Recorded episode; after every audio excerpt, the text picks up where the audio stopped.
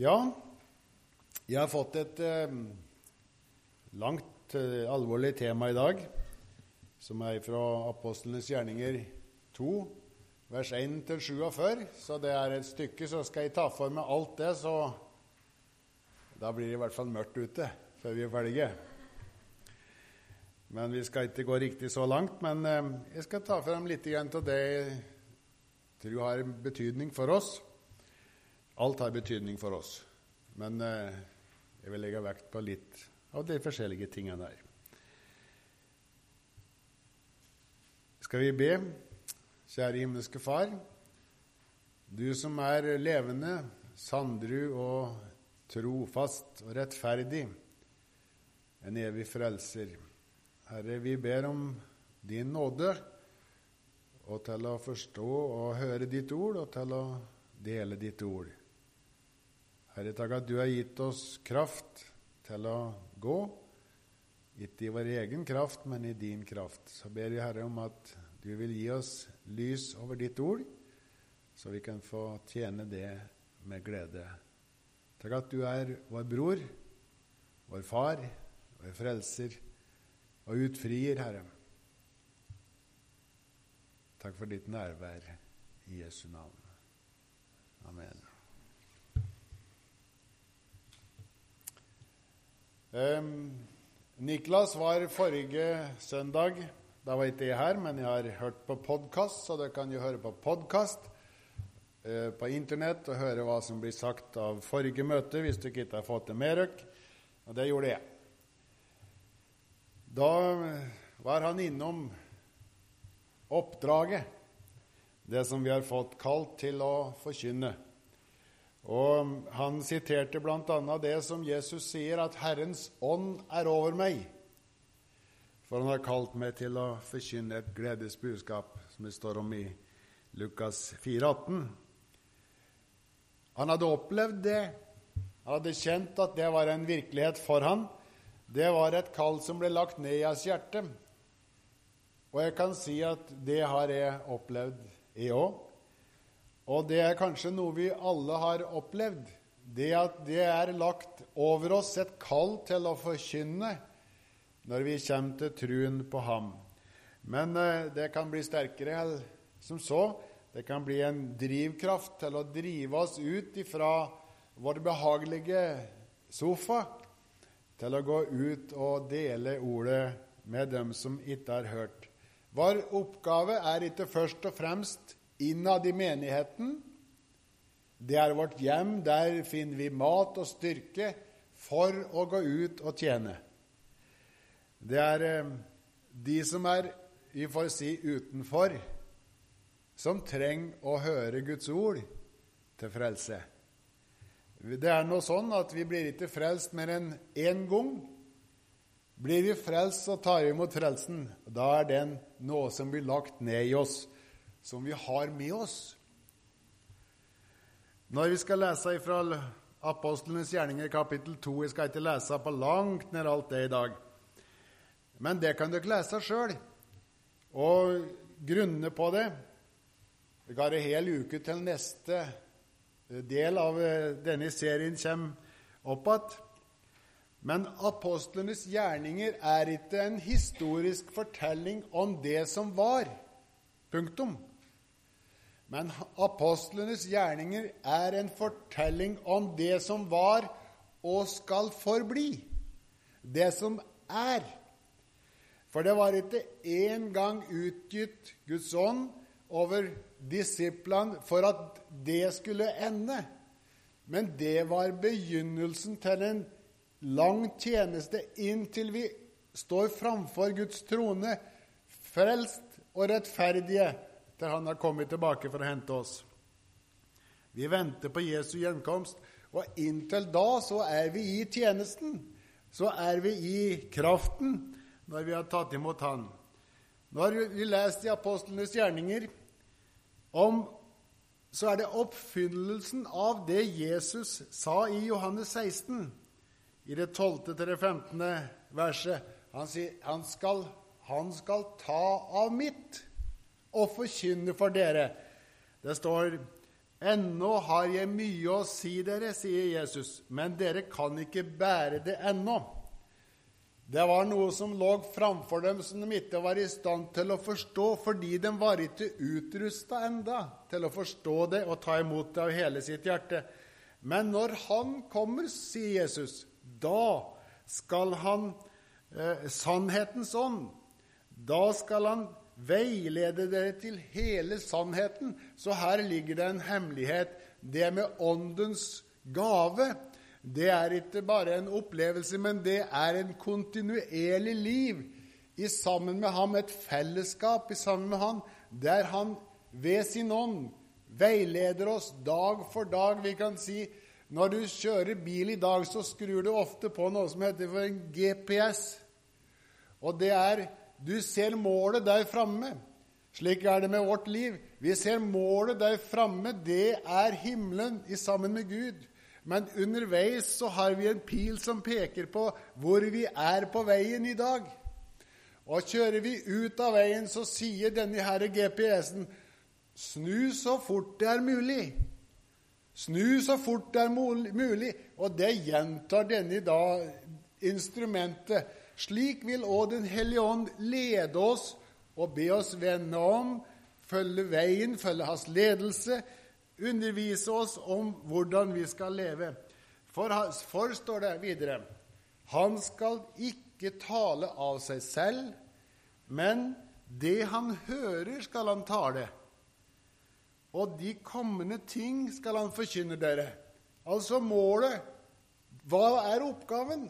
Det er Den hellige ånds oppgave i vårt liv å undervise oss hele veien framover til vi når målet. Han skal herliggjøre meg, og alt det Faderen har, er mitt, sier Jesus. Derfor sa jeg, han skal ta mitt og gi det til dere. Så det er ingen eh, eneshow som Den hellige ånd driver. Men det er et samkvem mellom Gud Fader og Frelseren Jesus, som er Ordet, og Åndens kraft. Det er et samspill. Han tar av det han hører i himmelrik, han forkynner det til oss. Hvordan er det mulig? Det er en kanal som er åpen for oss når vi tar imot Jesus. Eh, når vi leser det som står i apostlenes gjerninger, da, som vi får ta med litt av det, det står i andre kapittel, første til det fjerde verset. Og da pinsefestens dag var kommet, da var de alle samlet på samme sted. Da kom det med et, en lyd fra himmelen, som når et veldig stormvær farer fram, og det fylte hele huset der de satt. Og det viste seg for dem tunger like som av ild, som delte seg og satte seg på hver enkelt av dem. Og de ble alle fylt av Den hellige ånd, og de begynte å tale i andre tunger, alt ettersom Ånden gav dem å tale. Når vi leser dette her, så er det en beskrivelse av de 120 som var samla på den øvre sal i Jerusalem, og som eh, var der i sorg for Jesus hadde gått bort. Jesus hadde forlatt dem. De hadde vært sammen med han da i tre samfulle år, dag og natt, for å bli undervist det Jesus hadde å si, for å se hans gjerninger, for å være delaktige i kunnskapen om Guds gjerninger på jord. Jesus sa en gang til dem, og det var flere anledninger, 'Hør meg', sa han. 'Hør meg'. Og senere sa han, 'Lær av meg'. Han underviste. Han talte til dem med sitt ord. Han eh, sa at vi skulle lære. Det var disippelgjøring, ikke sant? Lær av meg. Og så sa han et viktig ord. Følg meg. Følg meg. De var samla der. De savna Jesus. Han hadde vært så vidunderlig sterk og god å være ved siden av være en del av. De skjulte seg på en måte bak Jesus, og samtidig så ville de kjempe for ham. Peter sier jo det at eh, om, om de vil ta deg av dage så skal jeg være ved sida av de. Jeg skal kjempe med deg. Men han var redd. Han var ynkelig, han var svak. Og når prøvelsen var der, så skjulte Peter seg bak en løgn og sa nei, jeg kjenner ikke Jesus. Han hadde ikke den kraften og styrken som han trengte. Men de venta på den øvre sal. Jeg har eh, hatt gleden av å være på den øvre sal. Det er ikke noe kjempedigert lokale. Vet ikke om det er så stort som her, kanskje. Eh, det er en stand. Der var de samla 120 stykker. Og de var fylt av sorg, men lengsel. For Jesus hadde etterlatt dem et håp om at, skulle, at han skulle komme og telle dem på nytt. De venta på han. Han hadde sagt at de skulle få kraft og utrustning, men han var jo ikke der. Så de var, eh, de var i undring. Hva skjer nå? Så hadde de fått et løfte om at de skulle gå og være i Jerusalem inntil da de ble fylt av Guds ånd. Inntil de ble ikledd den kraften som han hadde lovt dem en kraft til å gå videre og fortelle om hans død, om hans oppstandelse, om hans eh, himmelfart. Og det budskapet som han hadde gitt dem, de skulle følge i hans fotspor. Han sier det til dem de skal fortsette å gå på veien. De første kristne ble ikke kalt kristne. Men de ble kalt de som går på veien. Hvilken vei? Jo, Jesus sier det. 'Jeg er veien'. Så de første troende var de som fulgte i Jesu fotspor i tro og tillit til ham og hadde ham som veiviser. Han var hele deres alt. Han, de fulgte han med glede. Og de visste at han hadde sannheten. De visste at ingen kom til Faderen uten ved ham. Så det var viktig for dem å få dele dette budskapet. Det var fullt, som vi sa, på den øvre sal. Eh, det var lengtende mennesker. De hadde en bønn i sitt hjerte. Kom til meg, Gud. Kom til meg, Jesus. Vi trenger deg. Du har lovt å gi oss utrustning. Og du sa du skulle ikke etterlate oss farløse. Nå er vi farløse. Jesus var jo borte. Han var fysisk borte, og de hadde enda ikke fått del i det fellesskapet som Den hellige ånd gir. Og da, mens de sitter der, eller står, eller ber, ligger på kne, eller hva de gjorde, så plutselig, i et nu, hører de disse tingene skjer som vi nettopp leste.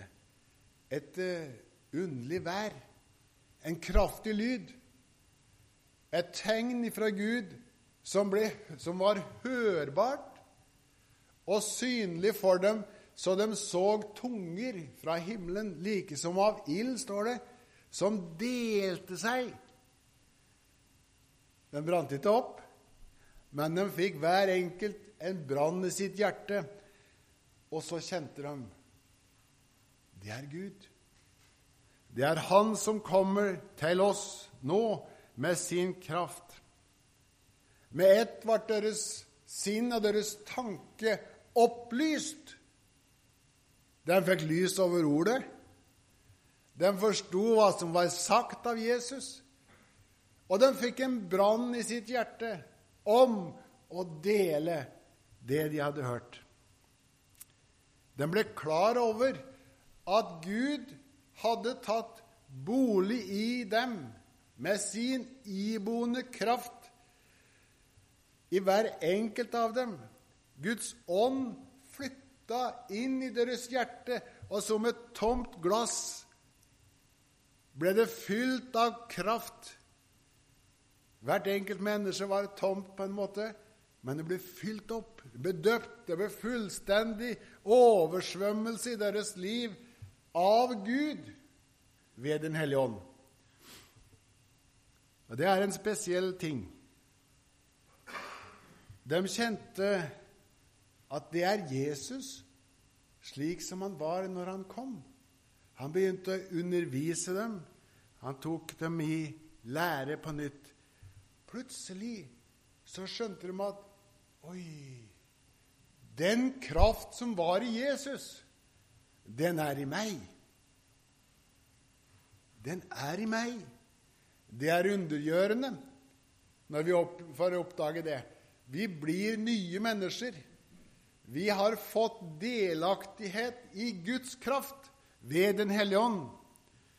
Han bor i oss. Det er jeg, jeg pleier å si det, det er feil for oss når vi ber 'Kom, Jesus, kom til oss'. Kom nå. Han er her. Han bor her. Så vi kan si 'Takk, Jesus, fordi du er her i meg'. Du bor i meg. Du er levende. Jeg er en del av ditt himmelrike. De ble klar over sin stilling innenfor Gud. Ved tro ble de klar over at de var i stand til gjøre de gjerninger som Jesus hadde lovt. Han sa, 'Dere skal gjøre de gjerninger jeg gjør.' Ja, endog større. Det var løftet som Jesus hadde gitt dem, og det ble opplyst i deres tanker. Vi ser det når vi går videre i apostlenes gjerninger og i hele resten av Det nye testamentet. Det de hadde fått, ble satt i virksomhet fordi de var fylt av Guds ånd og Guds kraft. Og så står det de fikk nye tunger. Tungemål. Jeg kan godt øyværing, så kan jeg litt grann engelsk, og så kan jeg bitte litt swahili. Så kan jeg ørlite grann med tysk, og da tror jeg det stopper. Men de fikk språk utgitt av Gud i sitt hjerte gratis. Ingen studie, ingen forkunnskaper, men de talte språk for medere og persere og gallere og alle som kom fra alle retninger. For det stimla folk inn til å høre hva skjer med disiplene nå. Hva er det som skjer på den øvre sal?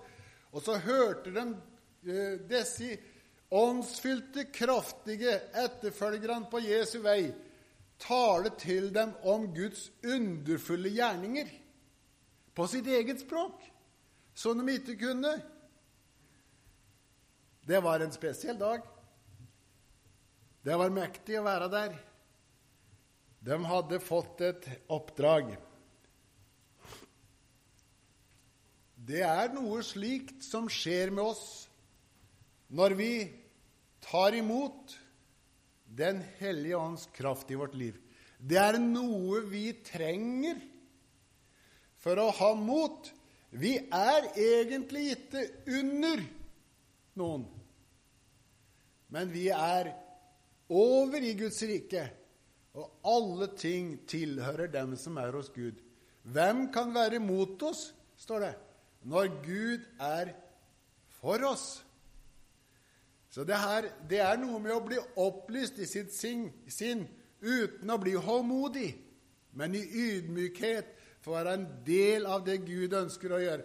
Og Jesus sier ved, mange, ved noen anledninger 'Min time er ennå ikke kommet'.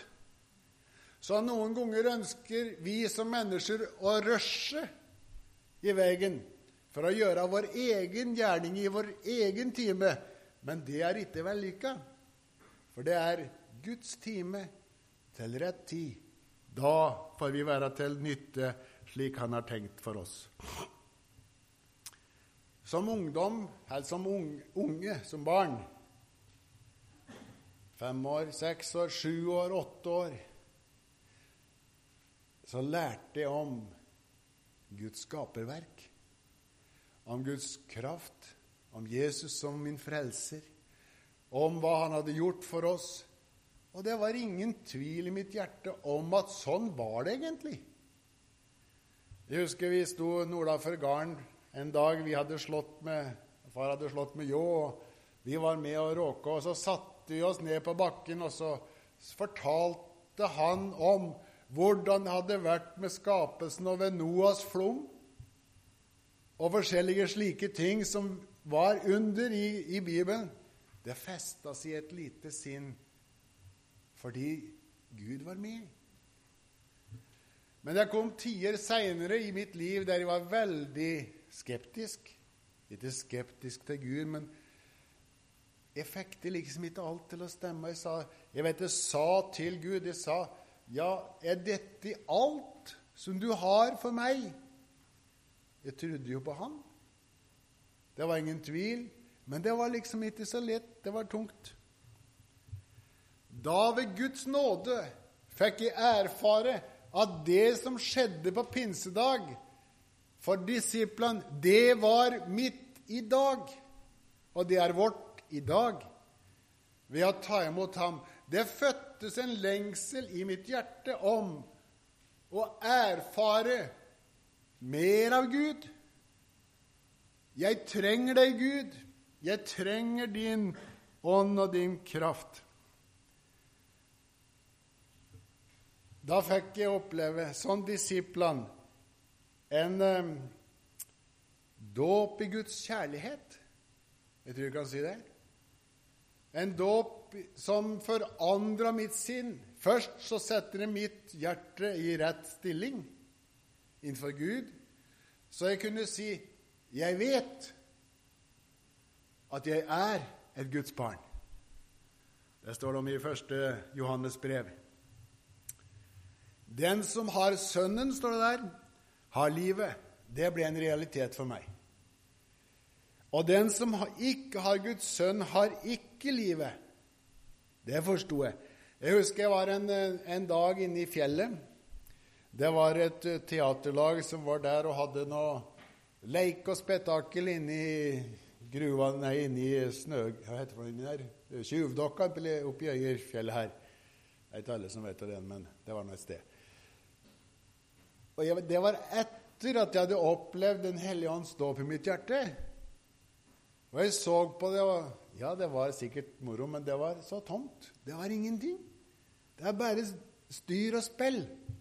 Jeg tenkte i mitt indre det er tomhet. Alt er tomhet. Den som ikke har Guds sønn, har ikke livet. Og så sier evangelisten Johannes dette har jeg skrevet til dere fordi dere skal vite at dere er Guds barn, at dere har det evige liv. Den som har Sønnen, har livet. Det må bli født i vår tanke, så vi forstår hvem vi er. Disiplene, når de opplevde denne åndsdåpens fylde i sitt hjerte, så forsto de at de var overlegne. Er det et godt ord? Ja, det kan være et godt ord hvis det ligger en god betydning i det. De forsto at de var overlegne, ikke i sin egen kraft, men i Guds kraft, i Jesu kraft, ved Den hellige ånd som bodde i dem. Og Hadde de ikke forstått det, så hadde de ikke kunnet utført noen ting for Jesus. Men fordi Jesus hadde lidd og dødd for dem, hadde overvunnet fiendens makt, gjort det våpenet han hadde, maktesløst Hva er djevelens våpen? Jo, det er døden. Det er syndens lønn er døden, står det. Det er hans våpen. Og av frykt for døden så lever mennesket i angst hele sitt liv uten Jesus. Men disiplene hadde erfart at Jesus har beseiret den ondes makt. Han er herre. Alle åndsmakter og krefter jorden, på jorden og i himmelen er underlagt ham. Da er han overlegen.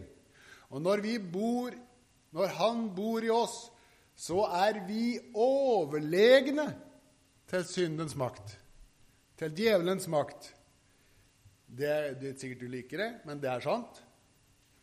Vi er overlegne. Men ikke i oss sjøl for å herske over de mennesker som er rundt oss. Men Jesus sier det slik Vil du tjene meg, så skal du tjene de andre. Du skal ikke herske over dem, men du skal tjene dem slik som jeg har tjent dere, sier Jesus. Så det er en annen stilling. Det er ikke ovenfra og ned, men det er ifra like under for å bære kjærlig, i kjærlighet de som lengter etter noe mer.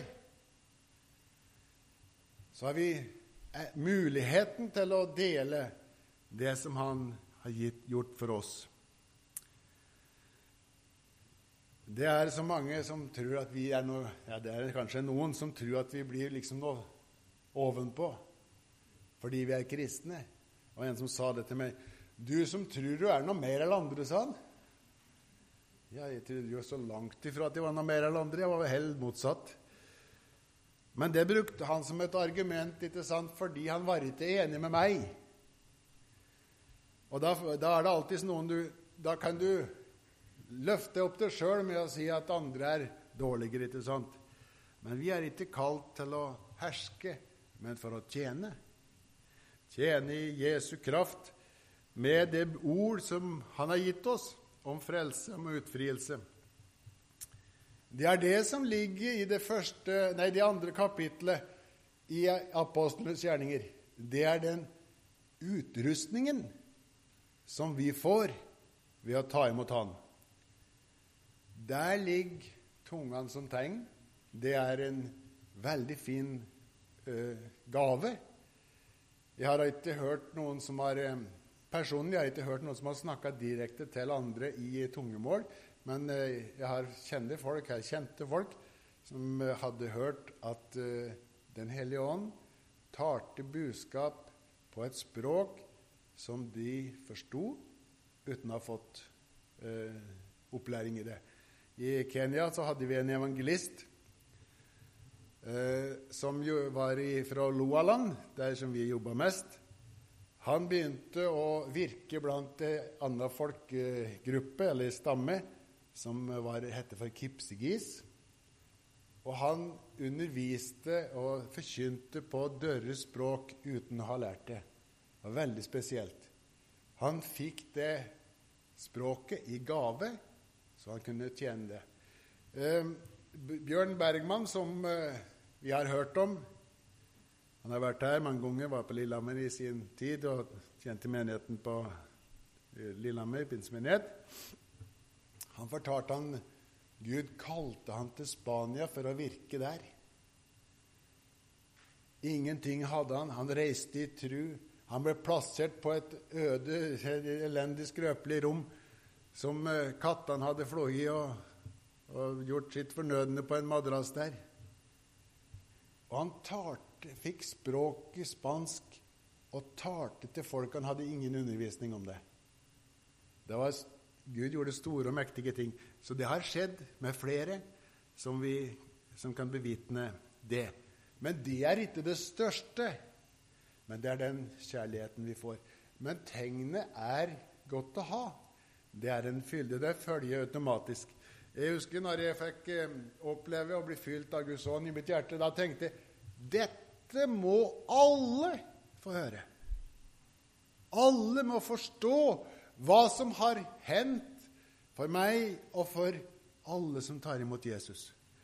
Det ble maktpåliggende for meg å være med og dele det. Det ble naturlig. Så skal jeg ikke trøtte gutten med å fortelle når jeg kalte på klassekamerater på yrkesskolen og ba dem sette seg på, på sløydpultene for å høre at de vitna om Jesus.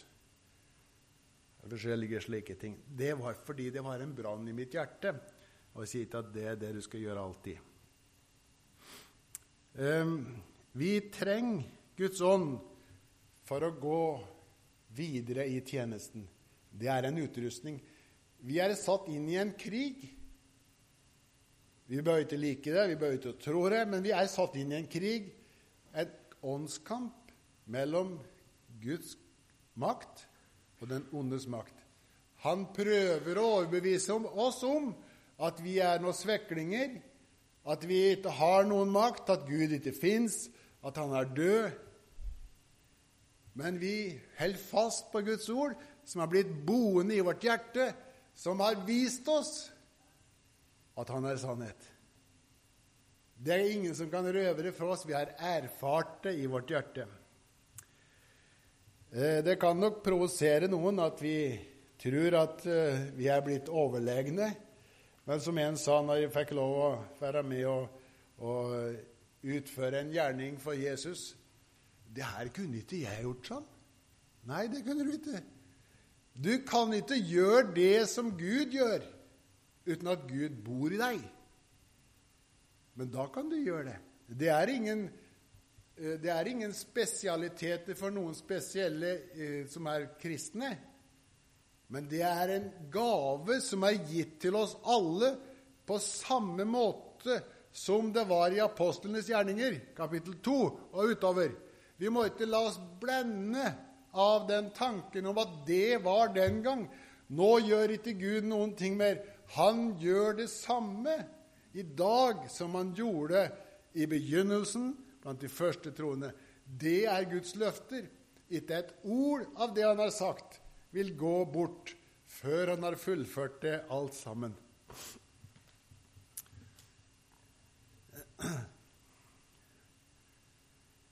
Det var med undring at eh, damene kom til graven der Jesus ble lagt, for å se etter en død person som hadde levd nær. Men engelen sa, 'Han er ikke her'. Han har stått opp. Gå bort og fortell det til mine disipler. Og så sier han, 'Kom og se stedet hvor de har lagt ham.' Det er like gyldig i dag. Han har like stor kraft i dag. Hvilket løfte har vi som tror på Jesus? Jo, det står et løfte til oss at den som har Jesus, han skal leve, står det, om han enn dør. Det er vårt håp. Det er kraften til å holde ut. Det er en del av kraften, i hvert fall. Vi skal leve om vi en dag dør. Vi dør ikke uten håp, som de som er uten Kristus. Men vi dør med håp. Nylig så var det en uh, kar som dere mange kjenner her, men jeg skal ikke nevne hans navn. Men jeg setter ei hilsing på sløyfa hans ved graven. Vi møtes igjen. Det er et håp som vi har. Vi behøver ikke spres utover som aske utover fjell og dal, for det er over. Vi kan endelig gjøre det, men det er, det er ikke fordi at det er over. For vi har et oppstandelsesbudskap. Vi tror på en levende Gud som skal gjenoppreise oss fra de døde til et liv i sammen med Han. Eh, røveren på korset, han døde sammen med Jesus der.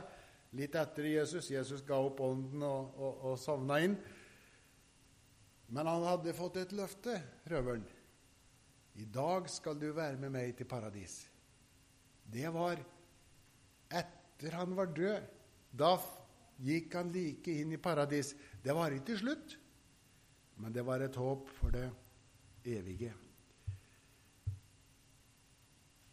Guds kjærlighet i oss blir mer virksom når vi blir fylt av Guds ånd i vårt hjerte.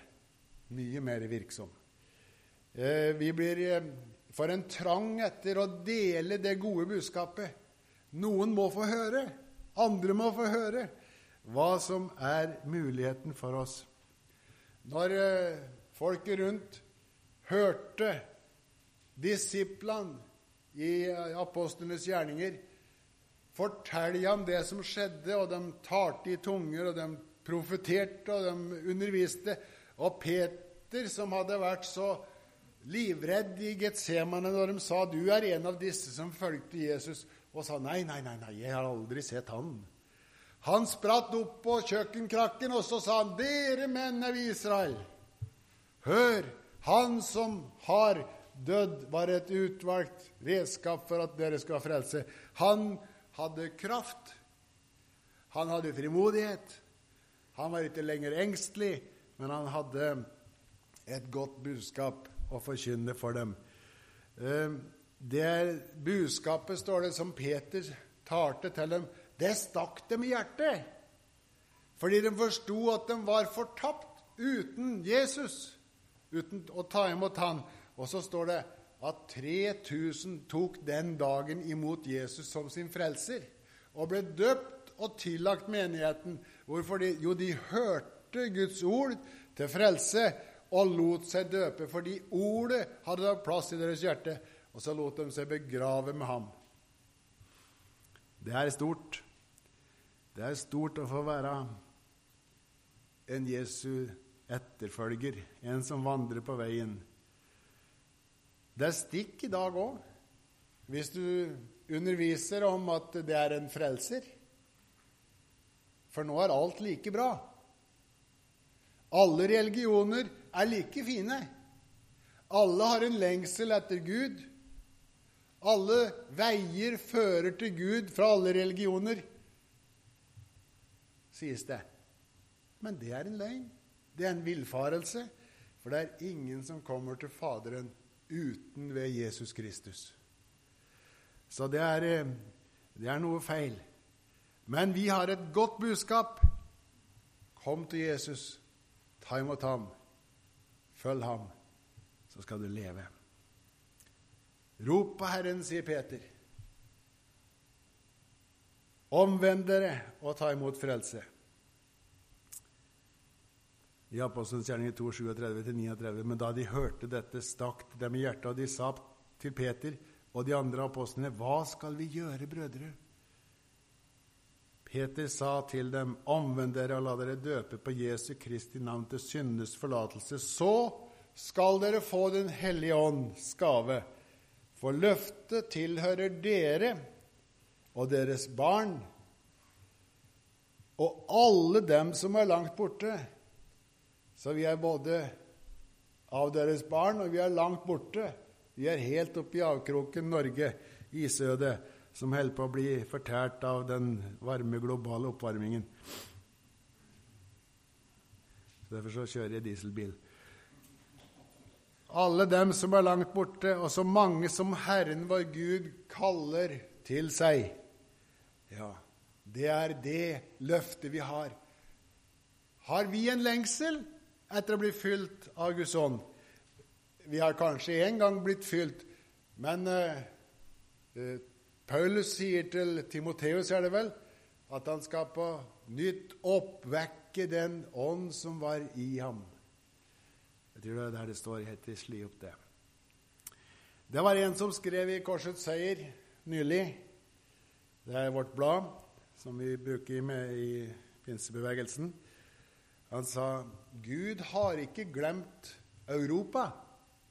Og vi kan tilføye Gud har ikke glemt Norge eller øyer. Men han kommer dit som de ønsker ham velkommen. Det er den store forskjellen på før og nå. Vi må ha en lengsel etter mer av ham. Vi må ønske ham velkommen og ta imot ham og være villig til å la han gjøre det på sin måte i vårt liv, for vårt liv og for våre medmennesker, for at vi skal kunne tjene ham i glede. Han har utrustning for oss i dag. Og det er jeg veldig glad for å si, at denne fortellingen som står i apostlenes gjerninger, som skal gå hjem og lese i andre kapitlet når dere kommer med, hvis du ikke har gjort det mange ganger før, jeg kan godt repetere så er jeg glad for at det var ikke en engangsforeteelse, men det er i dag den samme mulighet for oss alle sammen. Og da kan vi være med og oppfylle det som står i apostlenes gjerninger 29. Og det kan dere òg lese når dere kommer hjem igjen, hvis dere finner det. For det er din gjerning i Den hellige ånds kraft. Har du en lengsel etter å bli fylt av Han, så ønsk Han velkommen. Den samme kraft som var på pinsedag, han er likedan i dag, sier vi. Syng vi en sang. Kjære himmelske Far. Så takker jeg for at du er ikke forandra deg. I går og i dag er du den samme ja til evig tid. Og det ord som du har gitt oss, og den ånd som du har utgitt, er ennå virksom. Herre Jesus, hjelp oss å leve i tråd med ditt ord og med ditt uh, mål for øyet, endemålet som er himmelen hos deg. Hjelp oss, Herre, å få mange med oss som kan få se at ditt lys er det sanne lys. Det er verdens lys som skal opprinne i hvert menneskehjerte som kommer til deg. Takk at du hører vår bønn i Jesu navn.